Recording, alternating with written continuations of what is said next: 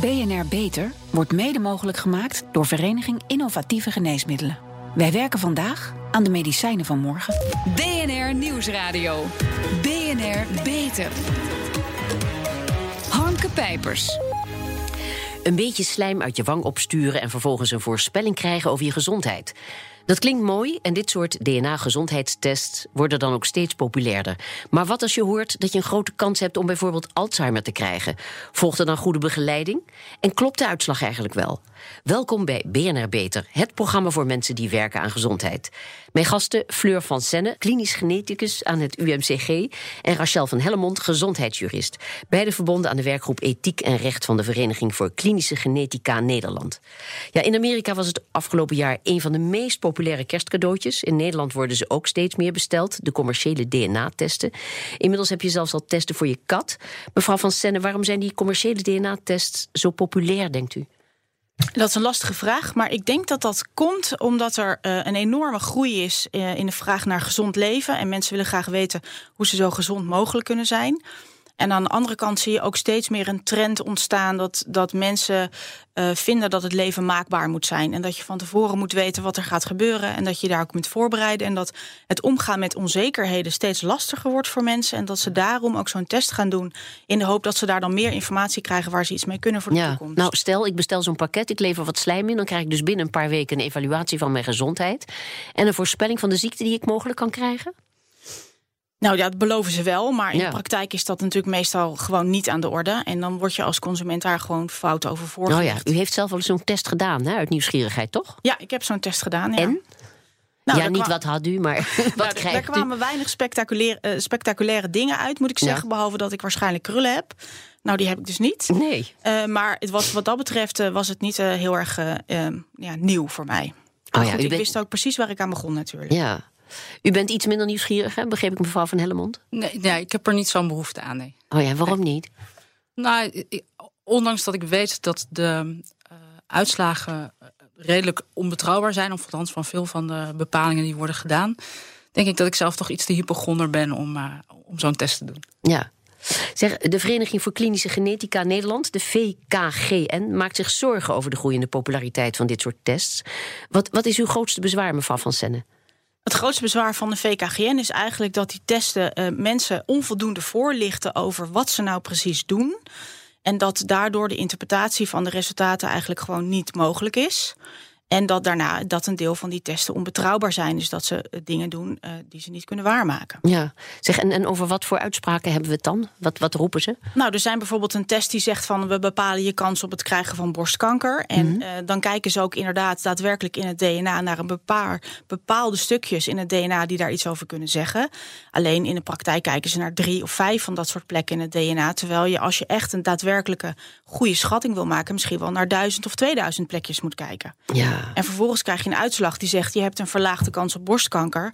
Terwijl je dat gewoon op basis van die informatie absoluut niet zou kunnen zeggen. Ja, ik, ik begreep ook, er was een bedrijf wat op de website had staan: doe bij ons een test en we geven je adviezen waardoor je tot wel 15 jaar langer kunt leven. Ja, nou, ik kan me als consument voorstellen dat je denkt dat moet ik doen. Ja. Maar wij weten natuurlijk in de praktijk dat, het gewoon, dat je dat gewoon niet waar kunt maken op basis van een DNA-test. Nee.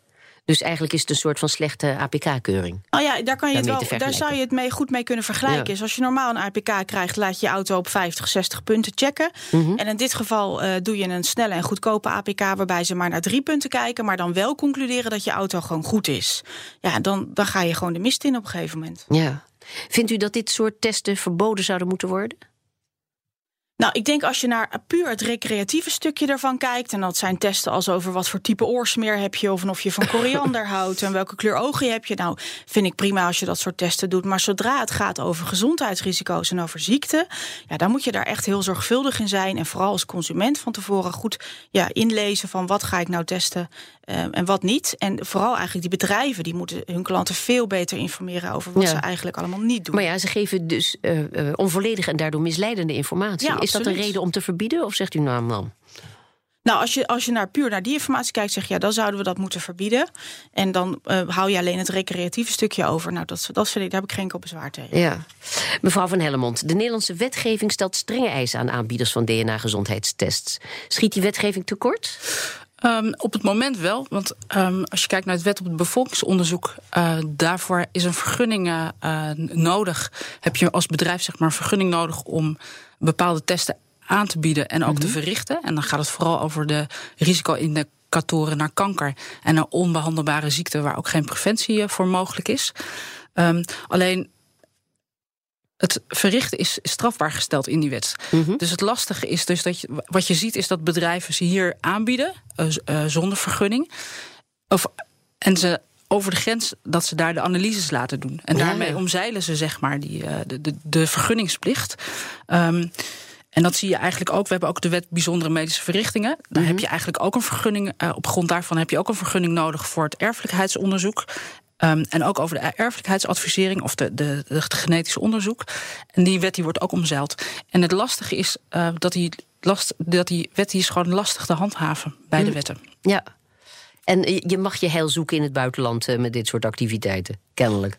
Ja, dat kan niemand je verbieden. Ja. Nee. Maar goed, het gaat om de wet uh, bevolkingsonderzoek. Hè? Die stamt uit de jaren negentig. Er is ondertussen op medisch gebied een hoop veranderd. Ja, wordt het niet eens tijd voor een, op zijn minst een flinke herziening van die wet? Nou ja, ze zijn ook bezig uh, om die mm -hmm. wet te herzien. Um, die is net ook in, in internetconsultatie uh, geweest. Um, die zal nu waarschijnlijk uh, aangepast gaan worden. En dan zal uh, de regering hem uh, ter zijner tijd aan gaan bieden aan de Raad van State en ook aan de Tweede Kamer voorleggen. Zoals hij er nu naar uitziet, um, denk ik dat, de, dat gaat de vergunningplicht veranderen. En blijft hij eigenlijk. Dan heb je voor de risico-indicatoren straks voor ziekte, voor kanker, ja. heb je eigenlijk geen vergunningen meer nodig. Alleen nog voor de onbehandelbare ziekten, waar geen preventie voor, voor mogelijk is. Um, dus in die zin krijg je een soort ver verruiming of een ja. uh, ver verruiming en aan mogelijkheden om dit soort testen te kunnen gaan doen. Ja. Mevrouw van Senne, een van de, de bedrijven die belooft mensen op basis van hun DNA te informeren over hun genetische aanleg voor overgewicht, de energiebehoefte, de motivatie om te bewegen en uh, blessuregevoeligheid. Kun je op basis van iemands DNA hier iets zinnigs over zeggen? Nou, je, zou er, je kunt er wel iets zinnigs over zeggen, mm -hmm. maar waar je het dan over hebt, is niet over de oorzaak dat die in het DNA ligt, maar hoogstens dat er een associatie is tussen bepaalde varianten in het DNA en dit soort dingen als overgewicht. Overgewicht zit natuurlijk een deel een erfelijke oorzaak in, maar dat is niet één stukje DNA. Dat zijn misschien wel 100, 200, 300 stukjes DNA.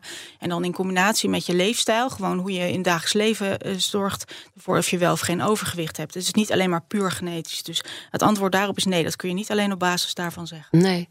Resultaten over blessuregevoeligheid of energiebehoeften, die zijn uh, vrij on onschuldig. Maar als je te horen krijgt dat je een grote kans hebt op Alzheimer of diabetes, nou dan schrik je. Dan is er, ja, is er dan voldoende begeleiding vanuit zo'n bedrijf?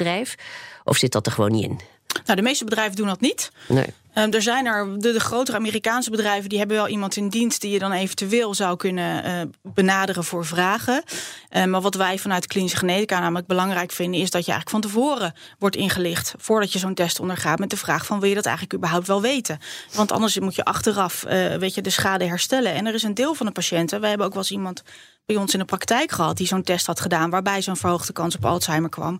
Ja. Die achteraf zei ja, maar dat we helemaal niet willen weten. Maar ja, die was daar van tevoren niet over ingelicht. Nee, ja. En die moet daar volgens wel mee verder met die wetenschap. Ja.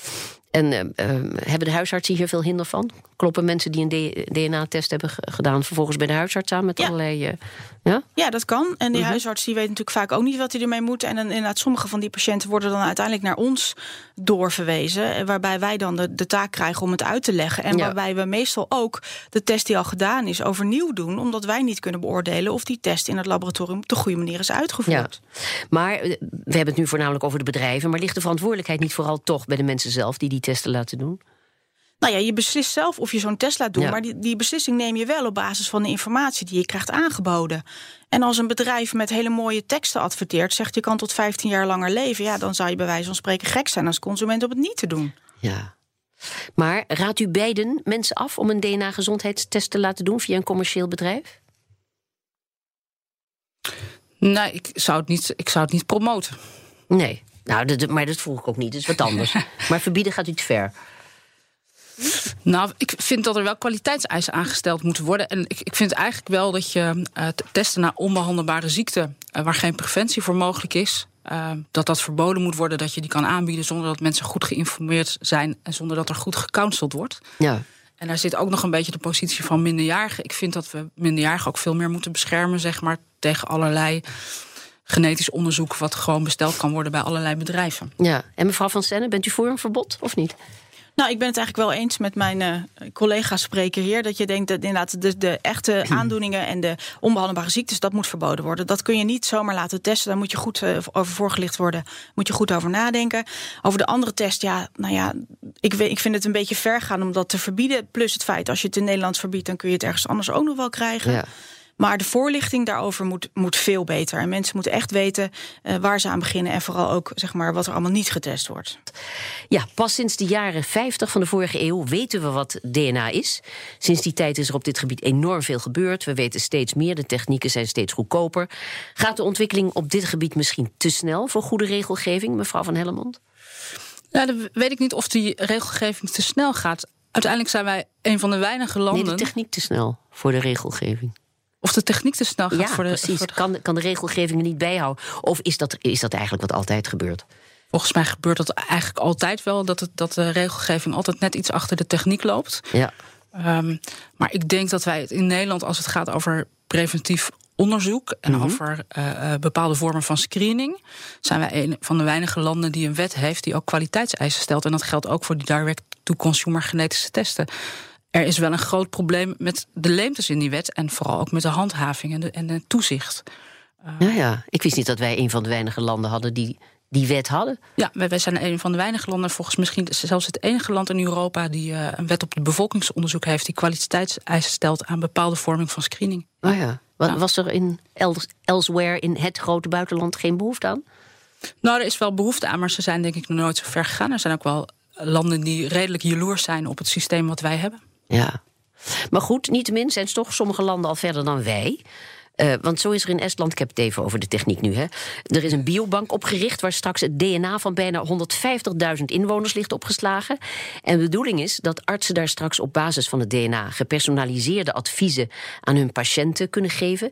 En de overheid heeft via een ander systeem inzage in de niet gepersonaliseerde gegevens.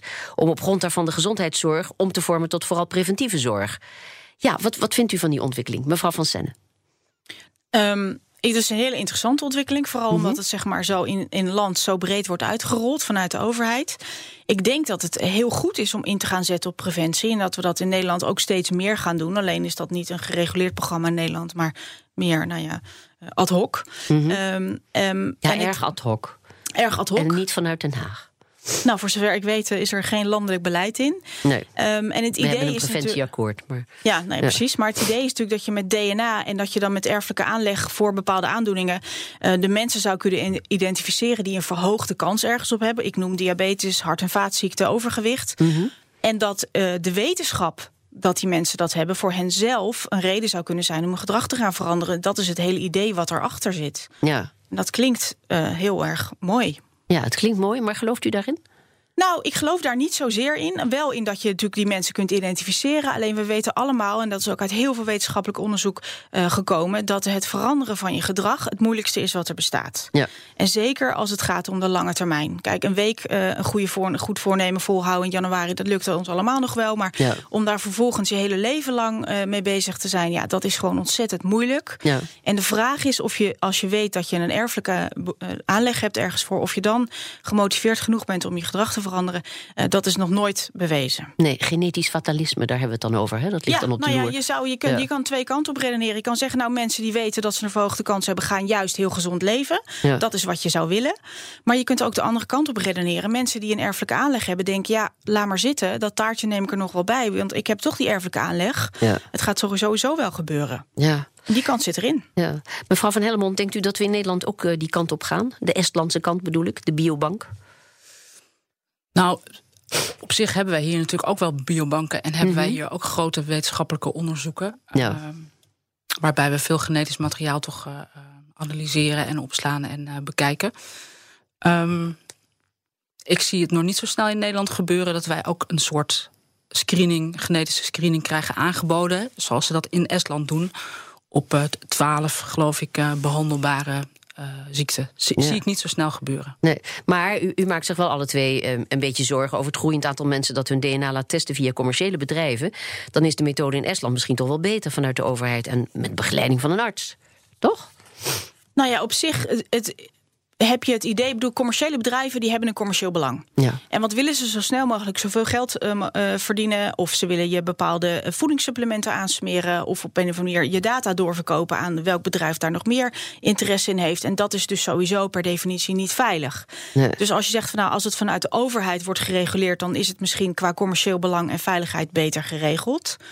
Eh, maar blijft het feit is dat je goed na moet denken over of je als je deze informatie krijgt, of dat daadwerkelijk wel leidt tot de gewenste veranderingen.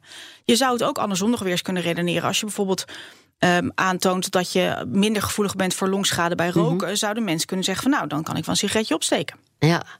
VPRO's Tegenlicht besteedde onlangs aandacht aan die biobank in Estland en aan de verovering van het DNA.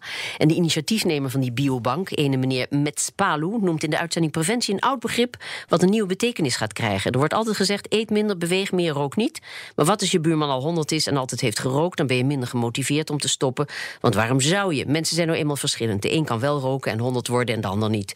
En volgens deze Metspalu zouden mensen gezondheidsadviezen serieuzer nemen als ze gepersonaliseerd zijn. Ja, we hadden het er al over. Heeft hij een punt, mevrouw Van Senne, of gelooft u daar niet in? Ehm, ik, Of nee. wachten wij de resultaten van Estland af? Ik denk dat we de resultaten van Estland moeten afwachten. Maar ik, eh, ik eh, heb eh, weinig fiducie in het feit dat het meteen als een soort wondermiddel gaat werken. Ja, maar is het wel zo dat DNA-analyse wereldwijd wordt gezien als de toekomst van de gepersonaliseerde geneeskunde? Ja, absoluut. Ja? Dat gaat zeker gebeuren. En dat gebeurt ook steeds vaker, steeds overal. En we gaan ook heel veel dingen. we komen steeds meer te weten over ziekte en over het ontstaan van ziekte. En over wie wel en wie niet ziektes krijgt. En daar kunnen we uiteindelijk in de praktijk natuurlijk enorm veel voordeel mee doen. En preventie. Ja. De analyse van DNA wordt ook steeds goedkoper, werd in de uitzending verteld. Nu kost het nog 1000 euro per persoon om iemands complete DNA te scannen. Maar in Estland kijken ze alleen naar ziektes die te behandelen zijn. And my understanding is it, it's in the environment of 25 euros per person nowadays to do this. So you see, it's an extremely uh, cheap preventive tool. If you have more information and people can stay healthy instead of being cured. This is what we are aiming at. Ja, die mevrouw die we hoorden is de president van Estland, zelf een klinisch geneticus en heel enthousiast over die ontwikkelingen. Mensen kunnen gezond blijven in plaats van dat je ze moet genezen, zegt ze. Het is dus een optimaal preventief instrument en nog goedkoop ook. Zouden inderdaad veel ziekten en daarmee zorgkosten kunnen worden voorkomen, mevrouw Van Sende? Ja, dat moet nog bewezen worden. Ja. Want eh, je zou bijvoorbeeld ook kunnen denken van... als je mensen hebt geïdentificeerd met een sterk verhoogde kans op eh, suikerziekte... ehm, wat moet je er dan mee? Moet je die mensen heel streng gaan controleren... en zodra hun suikerwaarden in het bloed ook maar iets te hoog worden... ze heel agressief gaan behandelen met medicijnen...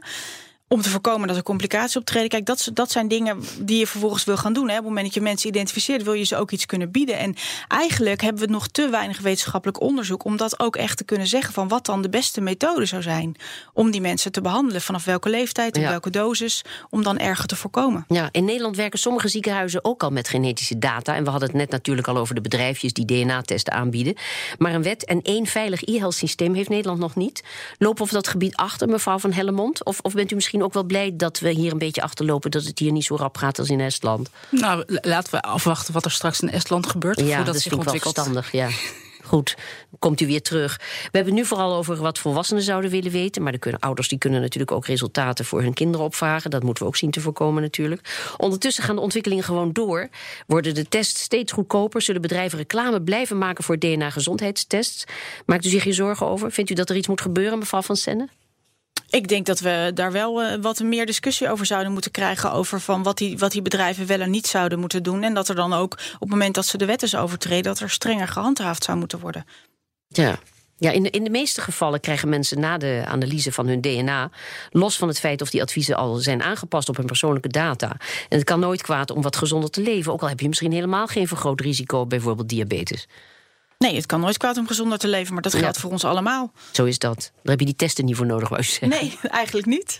Nee. Goed, we laten het hierbij. Hartelijk dank, Fleur van Senne en Rachel van Hellemond. Pioniers in de zorg. Onze zorgredactie speurt naar interessante medische innovaties binnen en buiten de muren van de universiteit. Waar werken ze aan en wat moeten wij hierover weten? Esther Jansen, vandaag heb je het over de behandeling van alvleesklierkanker. Ja, want uh, Lydia van de Geest van het Integraal Kankercentrum Nederland deed onderzoek naar de kwaliteit van zorg voor patiënten met alvleesklierkanker. En zij promoveerde vorige week. Uh, in Nederland krijgen jaarlijks 2400 mensen de diagnose. Uh, en zoals je waarschijnlijk wel weet, is de prognose bij dit type kanker erg slecht. Het is een erg moeilijk te opereren kanker en de overlevingskansen zijn klein. En nou is het ook nog zo dat minstens de helft van de patiënten ouder is dan 70 jaar. En niet iedereen die ouder is dan 70 is nog erg fit. Dus als een arts deze patiënten volgens de richtlijn zou behandelen, dan lopen zij een verhoogd risico om eh, te overlijden. En, en voor die minder fitte oudere patiënten is er nu dus eigenlijk geen passende behandeling? Nee, en daarom uh, zou volgens Van de Geest de medische richtlijn aangevuld moeten worden met specifieke aanbevelingen voor oudere patiënten. Uh, patiënten hebben maar één kans, zegt ze. En omdat het zo'n risicovolle behandeling is, uh, moeten patiënten en artsen goed uitzoeken wat voor hun de best mogelijke behandeling is. Dus ze pleit voor een soort plan B voor minder fitte oudere patiënten die wel een behandeling zouden willen krijgen, maar op dit moment niet echt eentje krijgen aangeboden. Ja, en, en voor zo'n plan B zouden ouderen ook zelf kunnen gaan kijken naar welk ziekenhuis voor hen het best is? Ja, want Van der Geest zag in haar onderzoek dat de chirurgische risico's van oudere patiënten lager zijn in ziekenhuizen waar veel alvleesklierkankeroperaties plaatsvinden. En omdat die operaties zo complex zijn, is veel ervaring nodig. Ouderen doen er verstandig aan om te kijken of een operatie vaak wordt uitgevoerd in een ziekenhuis. En niet per se om naar een ziekenhuis gaan waar ze bijvoorbeeld al bekend zijn. Die verleiding is natuurlijk heel groot. Maar eh, ook voor ouderen geldt, een ziekenhuis met een hoger volume heeft voor hen eh, echt wel voordeel. Ja, en een hoog volume betekent dat ze de operatie daar vaak uitvoeren. Dat is iets waar ouderen dus ook zelf naar zouden kunnen kijken als ze op zoek zijn naar de best mogelijke behandeling. En, en voor de patiënten die echt niet fit genoeg zijn voor die zware operatie, is er voor hen nog een alternatieve behandeling? Nee, want uh, voor patiënten die wel een behandeling zouden willen, maar niet in aanmerking komen voor die zware operatie of belastende chemotherapie, uh, is er volgens Van de Geest nog geen goed alternatief. Er zijn wel ideeën om een uh, radiotherapiebehandeling te geven aan patiënten bij wie de kanker nog niet is uitgezaaid. Daar wordt nu onderzoek naar gedaan.